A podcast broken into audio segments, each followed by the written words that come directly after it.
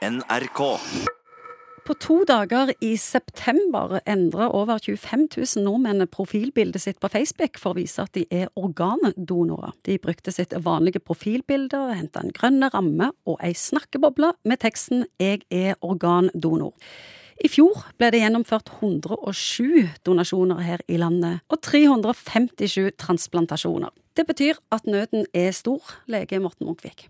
Ja, man trenger organer. og Hva det- organer er mest populære? Ja, Det er vel nyre som er mest eh, populært, så vidt jeg husker. Men man har vel flere organ Det er vel syv organer som man kan potensielt sett donere bort. Hjerte, lunger, nyrer, lever og bukspyttkjertel. Og så har man to av enkelte av de. Hva kan vi gi vekk mens vi lever? Nyren. Ja, du bør ikke gi vekk noe annet.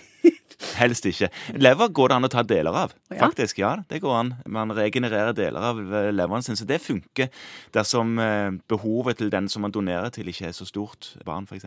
Vil jeg tro. Dette kan jeg ikke nøyaktig, men det går an. En eh, undersøkelse stiftelsen Organdonasjon viser at mange ikke vet hvordan en melder seg frivillig. Man trenger jo egentlig ikke melde seg, vet du. Det holder at man har sagt det til sin ektefelle, sin mor og far eller sine barn, at når jeg dør, så vil jeg at mine organer skal doneres bort. Det holder. Jeg trenger ikke å gjøre det. Det er ikke noe mer offisielt enn det. Eh, Hvis jeg er så god i meg og altruistisk at jeg bare Ja. tenker at eh, ja, jeg kan godt bare gi vekk ei nyre til noen som sliter. Ja, Hvis du tenker det nå, Ja. det går an det. Men sannsynligheten for at du finner en, ved mindre det er din søster eller en i familien som du kan gi til, er ikke så stor. Men selvfølgelig, du kan få donere bort en nyre nå, hvis du, hvis du absolutt vil bli kvitt den.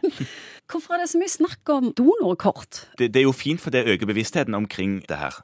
Viser seg det til, til venner og sånne ting, og så kan de òg begynne å tenke på om de vil være donorer, de òg. Men det holder altså å si fra. Dette er noe jeg ønsker. Hvor mange står i donorkø i Norge i dag? 300-400-500 rundt der. Hvor lenge må de vente? Ja, Det er veldig forskjellig, altså avhengig av hvilket organ de venter på. Fra noen uh, uker til flere år venter folk. Det må være en påkjenning. Å, selvfølgelig er det det. De går med dels kraftige medisiner og med en fot i graven enkelte ganger i en lang periode mens de venter på at noe skal dukke opp som kan, som kan brukes. Hva er det flest venter oftest på? Jeg tror flest oftest venter på nyre. Der har du jo en del uh, hjelpemidler som gjør at man kan leve greit i ventetiden, selv om det er trøblete å gå til dialyse og sånne ting som man må gjøre eh, annenhver dag i en lang, lang periode. Men eh, de som venter på hjertet, eh, eksempel, eller lunger, de har det ofte veldig tøft i ventetiden og brukes dels kraftige medisiner for å fungere på en måte som funker på en minimalt nivå. Når du ser filmer og sånn, Ja, så har det jo vært en sånn etisk problemstilling at eh, folk er jo litt redde for å melde seg som frivillige for hvis du havner i koma. Så, Ja, så er legen så enormt ivrig. Ja, ja, de står klar der. Og så plutselig viser det seg at folk våkner igjen. Ja, ja. Og så mangler du på en måte hjertet, og det var tåpelig.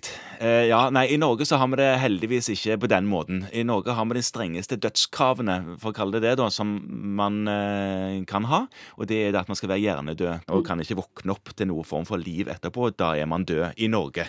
Eh, og så er det jo eh, alltid sånn at man får en avskjedsstund eh, med den avdøde, før man, før man kan høste, høste organer, hvis det var det den avdøde hadde ønska.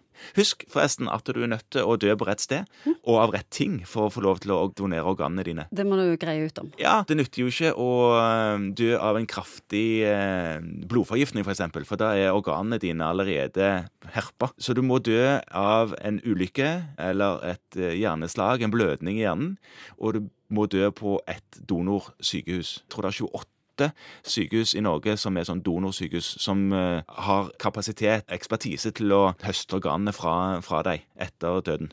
Hvordan konkluderer vi da? Jo, jeg tror personlig at man ikke har spesielt stor behov for organene sine etter at man er død.